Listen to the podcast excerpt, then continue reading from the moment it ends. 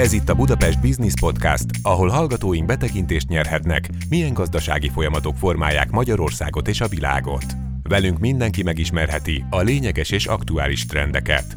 Szó lesz makrogazdaságról, digitalizációról, innovációról, pályázatokról és beruházásokról, finanszírozási kérdésekről, cégnövekedésről és mindenről, amiről lehetetlen nem beszélni, pláne egy vállalatvezetőnek. Meghívott szakértőinknek köszönhetően velünk maradva egyszerűen megismerhetőek a gazdaság mozgatórugói. Kezdődik a Budapest Business Podcast. A házigazda Mihálovics András.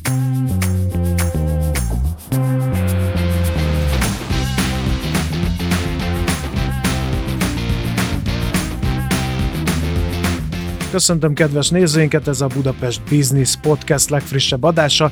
Egy gazdasági témájú podcastről van szó, amelyben minden olyan trendről, tendenciáról igyekszünk szót ejteni, amelyek befolyásolhatják nem csak a hazai, hanem a nemzetközi vállalatok mindennapjait is. Nem titkolt célunk az, hogy egy kicsit jobban eligazodhassanak a nézőink a nagyvilág és benne a gazdaság dolgaiban, illetve, hogy némi inspirációt is adhassunk önöknek, hogyha egy-egy üzleti döntésük előtt információra van szükségük, akkor talán ezek a podcastek hasznosak lehetnek abban, hogy tájékozódjanak. Az adások során én Mihálovics András fogok beszélgetni meghívott vendégeinkkel, akik között pénzügyi szakemberek, bankárok, üzletemberek, közgazdászok, szerepelnek, és miről lesz szó? Hát nagyon sokféle témát fogunk érinteni, mikro- és makrogazdaságról, digitalizációról, automatizációról, innovációról, pályázati beruházási lehetőségekről, tőkebevonásról. Hogy hol lehet elérni bennünket? Gyakorlatilag az összes podcast platformon, a YouTube-on és a social media csatornákon egyaránt, én mégis a Budapest Business Live szakmai aloldalt ajánlanám önöknek, amelyet a Budapest Bank oldalán találhatnak meg, a vállalatok menüpont alatt érhető el, és azért ajánlom mindezt önöknek, mert nem csak a podcast adásainkat lehet itt majd meghallgatni, megnézni, hanem sok egyéb érdekes szakmai anyag, aktuális kutatások, hírek is találhatók ezen a felületen. Az adásunk két hetente jelentkezik új epizóddal, viszont van benne egy csavar, hogy minden egyes nagy témát kettő beszélgetésben dolgozunk fel, így van ez most is. Ugye a tőzsdére menetelről, a tőzsdei tőkebevonásról beszélgetünk két vendégünkkel. Ez a második része a beszélgetésünknek, de a vendégeink e, ugyanazok. Szekeres Viktor, a Gloster Enyerti igazgatóságának elnöke. Szerbusz, köszöntelek. Szervusztok illetve Nagy Péter Gábor, a Budapesti Értéktősde értékesítés és akvizíciós igazgatója és elfogadta meghívásunkat. Köszöntelek. Szervusztok eljutottunk az előző epizódba odáig, hogy hogyan lehet a tőzsdére menni, hogyan segít a tőzsde is ebben, milyen komoly cégvezetői, szervezeti döntéseket kell meghozni, hogy eljussunk a tőzsdei bevezetésig a részvénykereskedésig. Most egy kicsit lépjünk ezen tovább, és boncolgassuk egy kicsit azt, hogy miért jó az, hogyha az ember tőzsdén van. Az első kérdés ugye Viktorhoz, hoz, mint vállalkozóhoz szól, ugye egy cég rendkívül sok úton, módon növekedhet. Az előző epizódban tettél egy utalást arra, hogy te felismertétek azt, illetve te is felismerted azt, hogy akvizíciókkal, integrációkkal lényegesen nagyobb növekedés érhető el, mint organikusan. Ez honnan jött ez a felismerés, és gyakorlatilag ez azóta a stratégiátokká vált? Bevált ez a stratégia? Bevált a stratégiánk, ezt szerintem bátran mondhatom, és hoztam egy csomó számot is, amivel egyébként alá tudom támasztani, hogy megérte ez az egész dolog. Amikor beszélgetek vállalkozó ismerősökkel arról, akkor nagyon gyakran kérdezik, hogy megérte ez így nektek? Ugye ez egy ilyen, ez egy ilyen nagyon gyakori kérdés, hogy, hogy kellett ez nektek, hogy mire, mire volt ez jó, és akkor mindig azt mondom, hogy egyéb, egyébként igen, abszolút megérte ez a dolog, és ennek egyébként nagyon sok, nagyon sok aspektusa van, hogy ez miért értem. Ugye onnantól kezdve, hogy tőzsdén vagy, ugye nem cégértéked van, hanem úgynevezett kapitalizációd van, ugye, ami a részvény árfolyamod, meg a részvény darabszámodnak a szorzata. Amikor mi tőzsdére mentünk, a tőkebevonás előtt volt egy két milliárdos cégértékünk, ugye az új bejövő tőkével együtt volt egy 3 milliárd 100 millió forintos kapitalizáció, ezzel, ezzel nyitottunk, és ha mondjuk megnézzük, hogy mostanában hol tart a, a teljes cégcsoportnak a kapitalizáció, akkor egy ilyen 15-16 milliárdos kapitalizációt találunk egyébként a Bét honlapján. Tehát azért szignifikáns a, a növekedés az elmúlt időszakban, hogyha És hogyha ezt megnézzük mondjuk árfolyam oldalról, akkor mondjuk mi egy ilyen 2000 forintos árfolyammal indultunk el, amit aztán letizedeltünk, hogy mondjuk, mondjuk 200 forintnak, és ugye a mai napon ilyen, ha jól emlékszem, valahol 900 és 1000 forint környékén van az árfolyam, tehát gyakorlatilag meg ötszöröztük azt a, azt a kapitalizációt, ami egy, egy nagyjából egy 18 hónapos időszakban, ami szerintem egy, egy, egy, egy nagyon rövid idő alatt bevált nagyon nagy növekedés. És ez az a pénz, amit direkt azért döntöttétek el a tőzsdére menetet, hogy ez az összeg előálljon, amiből vásároltok? Ez nem másokat? is az a pénz, az egy másik pénz, uh-huh. az pedig az úgynevezett zártkörű tőkeemelések során. Mi egyébként három zártkörű tőkeemelésen vagyunk túl, és ezen a három zártkörű tőkeemelésen több mint 1,7 milliárdot vontunk be az elmúlt 18 hónapba. Ugye kinek sok, kinek kevés, hát nem tudom én, egy, egy OTP-nek biztos nem sok, de nekünk, nekünk azért ez egy jelentős összeg, önmagában de nem is ugye a, a, az összegszerűség, ami a, ami a jelentős, hanem ugye, hogyha a korábbi epizódban említett közgazdasági logikát mögé teszem, hogy egy egység tőkéhez ugye még föl lehet venni nagyjából három-négy egység hitelt, akkor azért azt látszik, hogy ezzel azért egy, azért egy viszonylag jelentős akvizíciós mozgásterünk nyílt, ami azt jelenti, hogy a bátran csemegészhetünk azok között a cégek között, akikről azt gondoljuk, hogy ha őket megvennénk és beintegrálnánk a cégcsoportnak a működésébe, akkor még, még egy ennél is eredményesebb működésre tudnánk létrehozni. És hogyha megnézzük egyébként a, a, egy másik nagyon érdekesség, ami, ami talán jól alátámasztja a mi sztorinknak a, a valódiságát, ha mondjuk megnézzük, hogy hány részvényesünk volt, amikor megcsináltuk a kibocsátást, egyébként nem árulok el titkot, olyan 30-35 részvényesünk volt, személyesen ismertem mindet, hozzá kell tegyem. Tehát, és pont most 15-én volt egy közgyűlésünk, ugye a közgyűlés előtt a Kellerből mindig ki kell kérni ugye a részvényeseknek a listáját, be kell vezetni a részvénykönyvbe, hogy amikor jönnek szavazni, akkor tudjuk kinek hány szavazata van. Azt hiszem 280 tulajdonosunk van most, 280 részvényesünk, tehát gyakorlatilag majdnem meg kilencszereztük ebben az időszakban a részvényeseinknek a számát, ami azt jelenti, hogy nem egy szűk kör adja veszi egymás között, hanem, hanem elég dinamikusan tágul az a kör, akik egyébként belevásárolnak ebbe a sztoriba, és mi nagyon nagy figyelmet fordítottunk arra, hogy a közkészhányadat is nagyon tudatosan elkezdtük növelni, ugyanis azt, azt tapasztaltuk, hogy ezek a kis papíroknak azért nagyon nagy probléma, hogy pici a közkészhányad, néhány százalék a közkészhányad, és a befektetők nem nagyon mernek belevenni, mert úgy vannak vele, hogy olyan nagyon nagy hatása. Hát nem likvid, nem mozog az árfolyam, ugye akkor lehet Ma, keresni, hogyha valamerre mozog hát az. Hát a néhány nagy tulaj egymás között ugye elintézi ezt, és ugye mi egyébként egy 10,5 százalékos közkészhányaddal érkeztünk meg, most pedig egy 18 és feles közkészhányaddal megyünk, hogyha majd a legutóbbi zárkörű tőkeemelés során kibocsátott részvényeket is bejegyzik, és tőzsdére tudjuk őket bocsátani,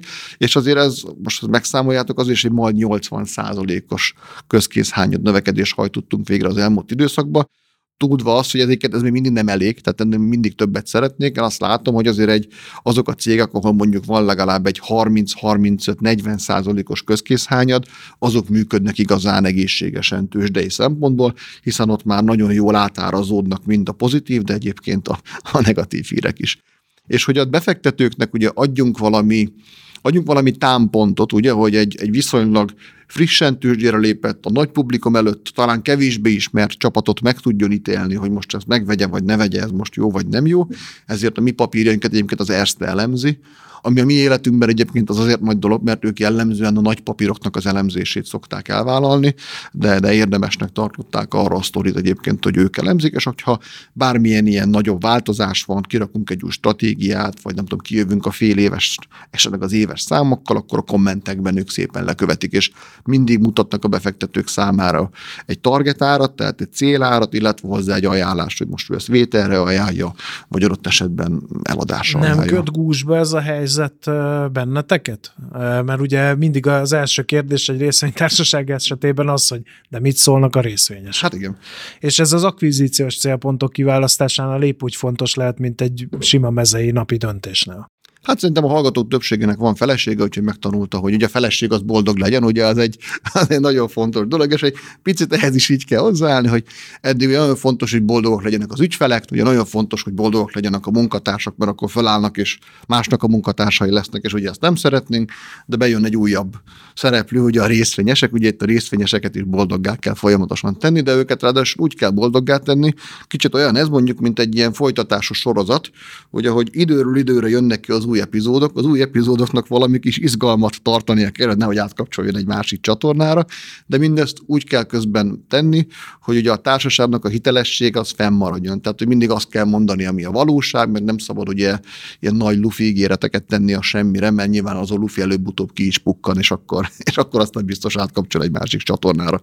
Kommunikációs szempontból azért erre oda kell figyelni, hogy mindig kell mondani olyat, ami érdekes, de hogy azért olyat, ami egyébként tartható tőkebevonás a tőzsdéről, Péter, ez mennyire kézenfekvő ma magyar vállalkozások körében? Az előző epizódban, a podcastben már beszélgettünk erről a vállalkozói szellemről, és mondtad, hogy egy kicsit a bátorság talán hiányzik a vállalkozókból, de akkor csináljunk kedvet, hogy milyen előnyei vannak, ha valaki tőzsdén keresztül eh, szerez tőkét, és nem mondjuk a barátaitól, vagy éppen egy banktól. Így van, bőséges likviditás van a piacon, ezt ugye tapasztaljuk, és mindenki versenyez azért, hogy segíthesse a vállalkozásokat, sok esetben ugye ez komoly támogatásokkal is jár. Elsőként azt mondanám, hogy van 9-10 előny, amit így ki lehet a kirakatba tenni, de ezek közül talán a legfontosabb az, hogy a, a márkanév és az üzleti bizalom az így kéz a kézben így nagyon meg fog erősödni a cég esetében, hogyha a tőkét bevonja a, a tőzsdén keresztül. Ugye felhelyeződik egy olyan polcra, TV válik gyakorlatilag, ahol ma Magyarországon relatíve kevesen tartózkodnak. Tehát ha megnézzük a számokat, hogy hány ezer, sőt akár tízezer magyar vállalkozás van, akinek jelentős, akár egy milliárd fölötti árbevétele is van, és azt összehasonlítjuk a tőzsdén jegyzett cégek számával, akkor ugye látjuk, látjuk a differenciát, hogy azért ide elég kevesen jutnak el. Mindenki a tőzsdét a Mollal, OTP-vel, Richterrel, Telekommal azonosítja, de másik 20-30-40 társaság is ott van köztük a, a Gloster is, és nagyon sokan számolnak be a az elmúlt időszakban a KKV-k, akik tőzsdére léptek és tőkét vontak be, hogy a partnereik szemében teljesen más kategóriába helyeződtek. Akár hazai, akár, de még sokkal inkább azt mondanám, hogy külföldi partnerek esetében azt hallják Németországban, hogy listed company, azaz tőzsdén jegyzett cég, akkor azt mondják, hogy oké, okay, köszönöm szépen, minden rendben van, beszéljünk arról, hogy hogyan is kötünk üzletet, és nem kell egymást vizsgálgatni, hogy egyébként mi látszik különböző cégadatbázisokban. További előny még, amit ugye Viktor is említett, hogy ugye a munkavállalókat is boldogá kell tenni. Én azt gondolom, hogy egy komoly motivációs eszköz sok munkavállaló felé az, hogy egy tőzsdén jegyzett cégnél dolgozhatsz. Azért az egy elég kivételes szituáció ma Magyarországon, és ezt esetleg még részvényjuttatással is meg lehet eh, támogatni. Ugye munkavállalói részvényprogramot lehet indítani Magyarországon, azaz kis tulajdonrészt lehet juttatni pénzügyi bónusz helyett, sokkal kedvezőbb adófeltételekkel egyébként a, a munkavállalók számára, és már is másképp tudjuk őket motiválni. Nagyon sok előny van, és azt gondolom, hogy tőkebevonás a tőzsdén, ilyenkor fel lehet tenni azt a kérdést, hogy oké, okay, de kitől fogok én pénzt kapni? Kik azok a befektetők? Szinte már rá is Kik azok a befektetők? Majd, nem csak, igen, kik vannak a vételi oldalon, mert talán uh-huh. egy cégnek egyáltalán nem mindegy, hogy, hogy ki megy el a közgyűlésre, és kimond szép vagy éppen csúnya dolgokat a tevékenységéről. Így van. Itt ugye ketté kell választani intézményi befektetőkre, ugye nem olyan szép magyar szó, de hamarosan megvilágítom, hogy mi áll mögötte, és lakossági befektetőkre. Ugye intézményi befektetők esetén a professzionális befektetőkről beszélünk, akár kockázati tőkésekről, akiknek benne van a politikájukban az, hogy a tőzsdei részvényekbe is befektethetnek, tőzsdei jegyzett részvényekbe, akár még a tőzsde előtt, de az, azután is tarthatják, és beszélhetünk hazai befektetési alapkezelőkről, akik ugye jellemzően magyar, régiós és nemzetközi részvényekbe fektetnek, hazai nagybankoknak, de független szolgáltató vállalatoknak is van befektetési alapkezelő. Ők az egyik csoport az intézmények, és akkor ott vannak a lakossági befektetők, akik, akik meg azt mondják, hogy hát ha nekem nincsen vállalkozásom, de azért látok itt sikeres történeteket, akkor miért ne legyek én tulajdonos mondjuk a Glosterben, vagy egy másik társaságban, ha, ha megbízok a, a Viktorban és a csapatában, akkor, akkor én szívesen vásárolok a Gloster részvényeiből, és én leszek a tulajdonos egy darabbal, tíz darabbal, száz darabbal, és nem érem el még az egy százalékot sem, de egyébként részese vagyok a vállalat sikereinek. Visszatérve az intézményi befektetőkre és a KKV-kra, ugye a KKV-k esetében azért szükség van valamilyen támogatásra. Ugye a befektetők nem jönnek maguktól, és véletlenül a kisbefektetők sem azonnal fognak rátalálni a, a kisebb cégekre, hogyha megjelennek a BTX ennek a piacán, amit speciálisan a KKV-k számára fejlesztettünk ki, itt a Bécs szolgáltatási csomagjának az is része, és ez sikerült jó pár évvel ezelőtt elintéznünk, hogy legyen állami forrása arra vonatkozóan, hogy ezekbe a társaságokba befektetőként részt tudjon venni egy alapkezelő, ezért létrejött a Nemzeti Tőzsdefejlesztési Alap, itt a Széchenyi alapok kezel, ugye a Széchenyi alapok mögött pedig gyakorlatilag Magyarország kormánya a pénzügyi minisztérium áll. Nekik van bőséges forrásuk, sok milliárd forintjuk arra vonatkozóan, hogy be tudjanak fektetni a Glosterbe vagy hasonló KKV-kba.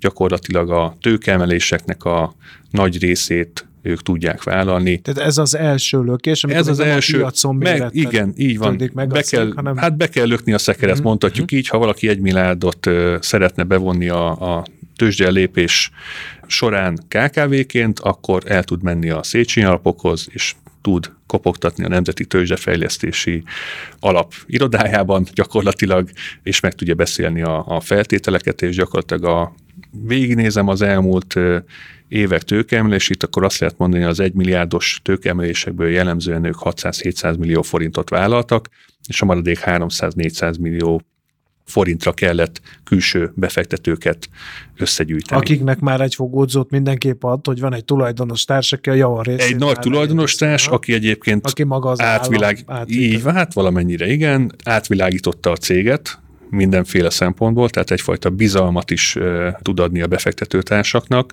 és egyébként egy türelmes tulajdonostárs, tehát neki nem az a célja, hogy bejön a tőzsdére a cég, és egy év múlva profittal kiszáll, hanem neki van egy hosszú tartási periódus, akár 7-10 év is lehet, és majd ő nyilván egy megfelelő pillanatban egy, egy exittel fog távozni a tulajdonosi körből, de addig is támogatja a társaság működését, ha kell, még plusz forrásokkal is akár. Az előző podcastben ugye beszéltünk félelmekről, most is beszélünk egy kicsit ezekről. Ugye, hogyha az ember megnéz egy tőzsdei, tőzsdéről szóló filmet, akkor ott az van, hogy mindenféle manipulációkkal az embert kiforgatják a saját cégéből, kisemmizik, elveszik a, a pénzét. Nyilván ezek filmek, és nagyjából annyi a valóság tartalmuk, mint általában egy filmnek szokott lenni, de azért valami hangulatot csak sugalnak. És ugye lehet hallani időnként, azt szokták mondani, ugye André Kosztolányi mondta, hogy minden tőzsdei befektetőnek legalább háromszor, négyszer csődbe kell mennie. Ez a normális. Látunk ezerféle tőzsdei zuhanást, sikersztorikat, mennyből a pokolba, stb. stb. Szóval egy ilyen ingoványos terepnek tűnik ez a, ez a történet. Nem féltetek ettől?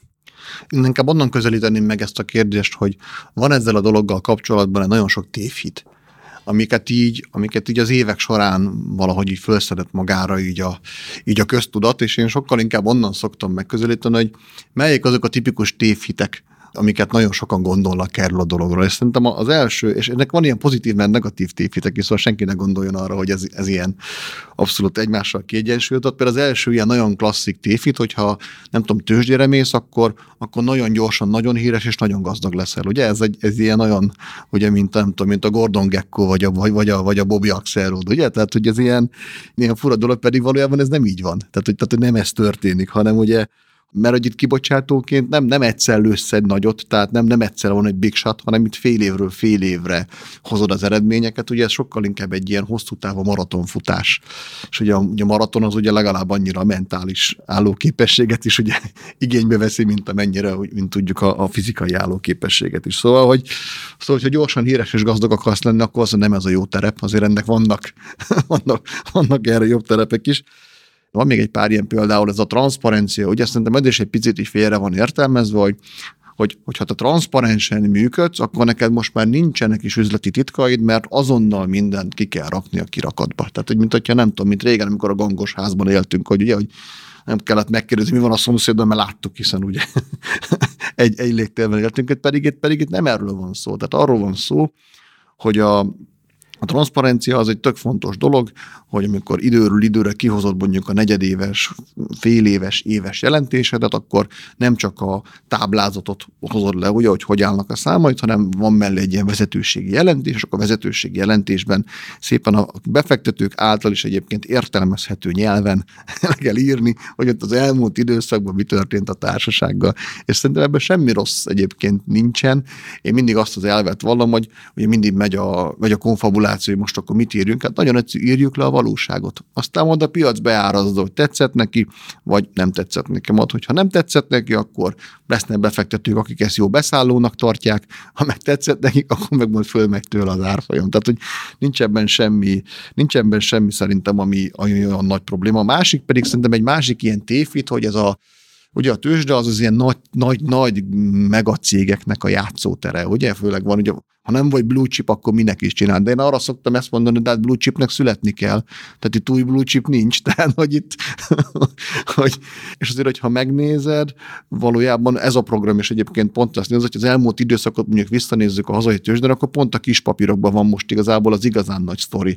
Tehát az, az látszik, hogy mondjuk ott tényleg megvannak viszonylag rövid idő alatt. Ott lehet ugye infláció feletti hozamot hát ott most lehet. Elérni, ott, most, ott most bőségesen lehet, igen, könnyebben infláció feletti hozamot csinálni, és ezt sokan csinálják is, ez egyébként és látszik is a forgalmukon. Tehát amikor még, még egy akkora papír is, mint mondjuk mi mondjuk az elmúlt időszakban két alkalommal is mondjuk benne voltunk a top 5 legforgalmasabb részvénybe aznapon a teljes béten, tehát prémium kategóriával, standardben, mindennel együttvéve, akkor talán ez jól mutatja, hogy azért most a befektetőknek a figyelme egy kicsit átment ugye a, a kisebb papírok irányába, hiszen talán, talán az infláció feletti hozam, meg talán, talán az is látszik, hogy nagyobb lett most a kockázatvállalási hajlandósága a, a, a befektetők között. Nem nyomasztó az eredménykényszer? Hogy negyed évente le kell tenni valamit az asztalra, különben elmegy a befektető, és más papírt fog vásárolni. Hát ez az a kérdés, amit szerintem inkább a menedzsmentnek kéne föltenni, akik, akik, akik ezeket az eredményeket időről időre lerakják az asztalra, de a kérdésedre válaszolva szerintem, hát én nem nyomasztónak nevezném, hanem sokkal inkább egy olyan kontextusból közelíteném meg, hogy szerintem akkor menj tőzsdére, hogyha növekedni szeretnél. És hogyha növekedni szeretnél, akkor az egy teljesen normális velejárója az, hogy ugye időről időre szebbek és jobbak lesznek a számaid. Csak ugye jó számokat kétféleképpen lehet előállítani, ugye most a tőzsdei szám a boszorkák konyhájába egy kicsit bevezesse a befektetőket, a hallgatókat, így egyébként itt is az a titok, hogy nincs titok. Nagyon jó organikus, szóval nagyon, nagyon, nagyon jó organikus növekedést kell tudni produkálni, de ez szerintem alap, tehát ez, ez, ez, ez egyszerűen, ez ha tőzsdén vagy, ha nem tőzsdén vagy, a jó belső működés az kell az. A másik pedig, ami nálunk jól működnek, azok az akvizíciók. És az, és az organikus növekedés és az akvizíciók együtt az, amelyek egyébként időről időre meghozzák azokat a számokat, hogy úgy szoktak mondani, hogy szolgáltatják a jó fundamentumokat a befektetők számára, amely alapján ők azt látják, hogy, hogy érdemes tartani, vagy még venni a papírt. Említett Péter nem egy, nem kettő előnyt a tőzsdei jelenléttel kapcsolatban, ezeket megerősíted? Tehát ha leülsz valakihez, és az van a névjegyeden, hogy Gloster enyerté, az már e, valamiféle presztis, valami bizalmat ad például? Úgy szoktuk mondani, hogy eljutottunk abba az időszakba, ugye, hogy több ember ismer minket, mint a hányat mi ismerünk. Ez tényes lény, de azért az ilyen beszélgetéseket minden nagyon fenntartással kell kezelni, mert minden emberben van egy olyan természetes hajlam, ugye, hogyha egy ilyen fickóval ül le beszélnek, mondjuk szeretne megtudni valami fülest. És hogyha van olyan, amiért mondjuk a, van olyan, amiért mondjuk a felügyelet nagyon össze tudja húzni a szemöldökét, az ez, hogyha mondjuk egy ilyen beszélgetés során mondjuk valami benfentes információt még csak véletlenül is elkottyantasz, úgyhogy ez igen, ez egy olyan magatartás, amire egyébként nagyon figyelni kell, főleg, hogyha itt szeretsz beszélgetni, meg sokat beszélsz, hogy még csak véletlenül sem mondj olyat, mondjuk, amit korábban nem tettél közzé, hiszen ezzel már is megvalósítottad ezt a dolgot, és hogyha nagyon sok előny elhangzott, de ugye minden éremnek két oldala van, ennek az éremnek is, hogy az a másik oldal, amiről egyébként nem tudom, én, én az elit programban nem, nagyon, nem, nem túl sokat hallottam erről, de ettől még ez a dolog létezik, hogy azért van egy felügyelet is. És azért a felügyelet azért azt kell, hogy mondjam, hogy azért elég szigorúan, tehát elég szigorúan ellenőrzi a kibocsátókat, és tényleg mindenkinek erre, erre, erre fel kell készülnie, hogy bizony a, a, a felü, tehát ahogyan, ha magáncéged van, akkor van rajta egy NAV, aki időnként megkérdezi, hogy minden rendben van-e, és fenntartja a jogot, hogy ellenőrizzen. Ha tőzsdei céged van, akkor lesz még egy ilyened, ugye a Nemzeti Bank, a felügyelet, aki egyébként szintén megteszi ezt, és van rá staffja, hogy ezt, hogy ezt végre, hogy ezt megtegye. Nem túl adminisztrált ez, a, ez az egész? Tehát nincs túl nagy ára a, a tőzsdei jelenlétnek adminisztrációs szempontból? A kapcsolatot kell, tartani a tulajdonosokkal, gyors jelentéseket kell csinálni, jelenteni a felügyeletnek, és közben még vinni a bizniszt, lezavarni az akvizíciót, integrálni a felvetet, hogy mint egy kicsit így feldúsulnának a teendők a tőzsdei jelenléttel párhuzamosan. Ez egyébként Péterhez is kérdés lesz, de a gyakorlati tapasztalatait. Hát ugye közelítsük be gondolnak a kérdés, hogy mihez képes sok. Ugye ahhoz képes, hogy ugye ennek mi az alternatívája? Ugye az alternatívája az, hogy beengedsz magánbefektető, kettőt, ahol valószínűleg kevesebb adminisztrációs teendőr lesz, tehát valószínűleg nem kell közzétenni, nincs nemzeti bank, töttörö, töttörö, töttörö, viszont a, a magánbefektetőnek ugye a szerződése alapján, meg ugye lesz beleszólása a cégednek a működésébe. Tehát igenis kontrolljogokat fog magának kérni, és hiába kisebbségi tulajdonos, simán előállhat olyan szituáció, hogy ő egyébként többségi tulajdonosként is tehát a kisebbségi részesedése ellenére többségi tulajdonosi jogokat tud gyakorolni bizonyos helyzetekben. Tehát, hogy ez, a, ez, a, ez van a serpenyőnek a két oldalon. Nyilván a serpenyő másik oldalán meg ugye az van, hogyha viszont tőzsdén vagy, akkor nincs ez, nem szólnak bele, hiszen a részvényes az annyit csinálhat, hogy eljön a közgyűlése, és igennel vagy nemmel szavaz, ha tetszik neki, megveszi, ha nem tetszik neki, eladja. Viszont a másik oldalon van egy felügyelet, akinek, akinek meg nyilván támaszt egy csomó olyan administratív feltételt, hogy azok a kisbefektetők, azok ugye biztonságban érezhessék magukat, akik ugye birtokolják az adott részvényt. Úgyhogy ezt, ezt mindig így kell nézni. Többlet adminisztráció ahhoz képest, hogy magáncég vagy és nincs befektető, de a válasz igen az. Megéri-e? Szerintem meg. Péter? Ugyanez jutott eszembe, mint a Viktor, hogy miért két serpenyője? Persze, sokkal több mindennel kell foglalkozni, amivel korábban nem. Oké, de mit kapunk cserébe? Cserébe azt kapjuk, hogy a, a cégünk hatékonyan fog működni, és eredményesen fog működni. És ha egy, egy cég eddig úgy működött, hogy a vezetők egymás között szóba megbeszéltek mindent, és nem volt mondjuk egy, egy havi vagy egy negyedéves rátekintés a cég pénzügyeire, akkor el kell jutni bizony addig a pontig, és ez már a tőzsdén is ugyanígy van nyilván, azt pedig utána majd közé is kell tenni. Tehát én azt gondolom, hogy, hogy lehet úgy működni magyar KKV-ként, meg nagyvállalatként is, tőzsdén kívül, úgy, mintha tőzsdén lennél egyébként. Tehát ugyanazt a, az adminisztrációs dolgokat, most nyilván a felügyeletet, meg egyéb beszámolókat vegyünk le ebből, de saját magunknak cégként befelé a működésünket tudjuk úgy alakítani, mintha már tőzsdei cégként működnénk, és azzal leszünk igazán versenyképesek és hatékonyak. Uh-huh. A, aki figyeli a tőzsdének a, a lépéseit, azért időről időre így a tőzsde cégekkel kapcsolatban változik a, a menet az pont emiatt van, hogy a tapasztalatokat újra gondolva beépítitek a gyakorlati működésbe, hogy még vonzóbb legyen a, a tőzsdei tőkebevonás a cégekre? Vagy mit tesztek annak érdekében, hogy több Gloster nyertéhez hasonló vállalkozás jelenjen meg? Ez a tőzsde érdeke is, a befektetők érdeke is, a gazdaság érdeke is. Így van, tehát ha, ha szabályokat nézzük, akkor figyelembe kell vennünk azt, hogy az Európai Unió tagja vagyunk, és milyen európai direktívák vannak, és azok hogyan kerülnek átültetésre egy az egybe gyakorlatilag Magyarországra. Milyen piacokat lehet működtetni. Tőzsdeként, ugye tőzsdeként van nekünk egy úgynevezett szabályozott piacunk, és van egy x piacunk, amit nevezhetünk nem szabályozott piacnak is, tehát azt el kell különíteni a, a bétnek a, a fő piacaitól, de mégis a bét működtet ilyen, nagyon sok működik más országokban is, de itt rugalmasabbak a belépési feltételek, nevezhetjük úgy, hogy könnyítettek. Ez azt jelenti például, hogy aki ahogy a Grosster is megtette, az x piacra lépett a nyertéként. Az x piachoz, piacra lépéshez neki egy kijelölt tanácsadót igénybe kellett venni, ez egy tőzsdei előírás. Most ez, ez egy plusz dolognak tűnik, de igazából ez egy segítség volt a cég számára nem saját kútfőből kellett megoldani azt az adminisztrációs terhet, amit ez jelent, nem, az, nem a Viktornak kellett a, a papírokat legyártani, neki igazából alá kellett írnia, meg megismerni a folyamatot. A kijelölt tanácsadó, aki mondjuk Magyarországon egy Big Four, vagy egy hazai nagybanknak a Corporate Finance részlege, vagy kisebb butikcégek, ők jól ismerik ezeket a folyamatokat, és végig kísérik a, a több hónapon keresztül, amíg megjelenik mondjuk az x piacon az adott társaság. És ugye ez nem kerül kevésbe, mondhatjuk azt, hogy sok millió, sok tízmillió forintba is belekerülhet. A jó hír viszont, hogy itt is van EU-s pályázati forrás, és ezeknek, ezeket a költségeket gyakorlatilag fele, felére lehet csökkenteni.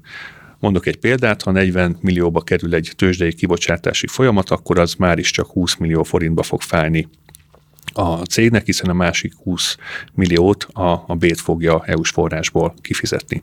Úgyhogy azért rengeteg segítséget nyújtunk, és hogy miért egyszerűbb az x piacra bekerülni, mint mondjuk a főszabályzott piacról, a MOL, OTP, meg, meg a, a társaik vannak, Például a tőzsdéhez kell benyújtani az úgynevezett információs dokumentumot, ami mondjuk egy 60-80 oldalas cég összefoglaló, ami elsorolja azt, hogy milyen kockázatokkal szembesül az adott befektető, hogyha mondjuk a Gloster befektet, nyilván ez egy kötelező elem, be kell mutatni a céget, a stratégiáját, üzleti potenciáját, múltbeli számait, ezeket mind-mind a bét megvizsgálja, nyilván ezt a kijelölt tanácsadó segíti összeállítani, és már is be lehet jönni a tőzsdére. Most ez nagyon egyszerűnek tűnik, de természetesen azért az előkészítési időszak, meg a tőzsde jóvágyási időszak azért az több hetet, több hónapot tud igénybe venni.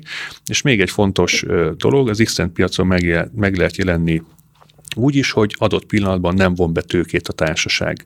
Nem csinál se IPO-t, se zárt tőkemelést, hanem azt mondja, hogy én látom az enyertés státuszban lévő előnyöket, tőkére is lesz majd szükségem két év múlva addig is én nenyertéként fogok működni, felépítem a bizalmat minden partnerem felé, nem csak a vevők és szállítók felé, hanem a későbbi potenciális befektető partnerek felé.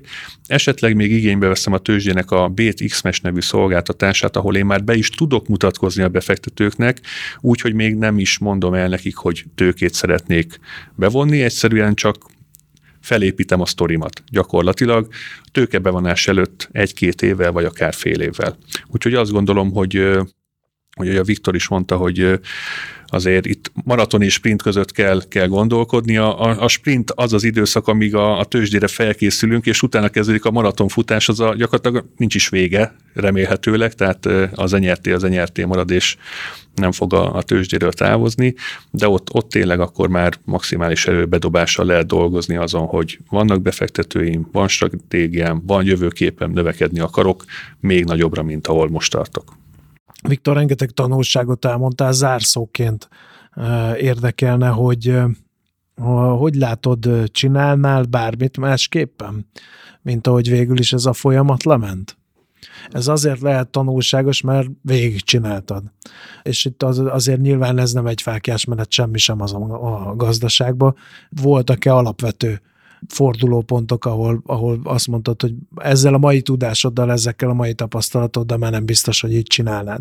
Ugyanis ez a legtanulságosabb lehet azoknak, akik esetleg hasonló utat próbálnak bejárni, mint amit ti bejártatok. Igen, szerintem bontsuk ketté, hogy egyik oldalról nincs ingyen ebéd. Tehát, hogy ugye semmit nem adnak ingyen, a, a sikerért meg kell dolgozni, ugye, a, akinek vannak tinédzser gyerekeim, mint nekem, ugye ez a szokta énekelni ugye a híres zenekar is, hogy munkanélkül siker nincs, és ez, és ez erre nagyon jellemző erre a, szerintem erre az egész tőzsdei sztorira.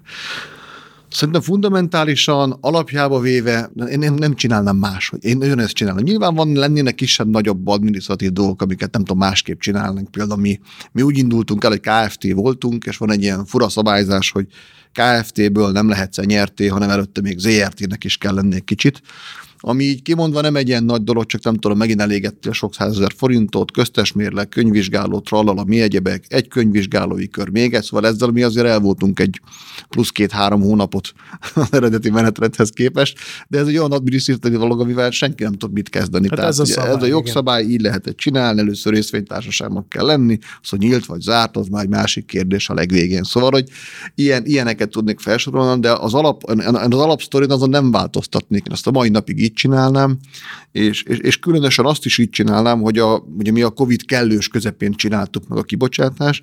Én, én megmondom hogy én ma is meglépném, mert szerintem ez igenis az bizonyítja a piac számára, hogy volt a sztoriban annyi energia, hogy még egy abban az időszakban is megállt a lábán. És hogyha megnézzük az elmúlt időszakot, hogy mondjuk mennyit növekedett ahhoz képest, és egyébként most még ugye a legutóbbi akvizíció kapcsán mekkora növekedési potenciál van benne, akkor szerintem semmi okom azt mondani, hogy másképp csinálnék bármit is, mint ahogyan korábban csináltuk.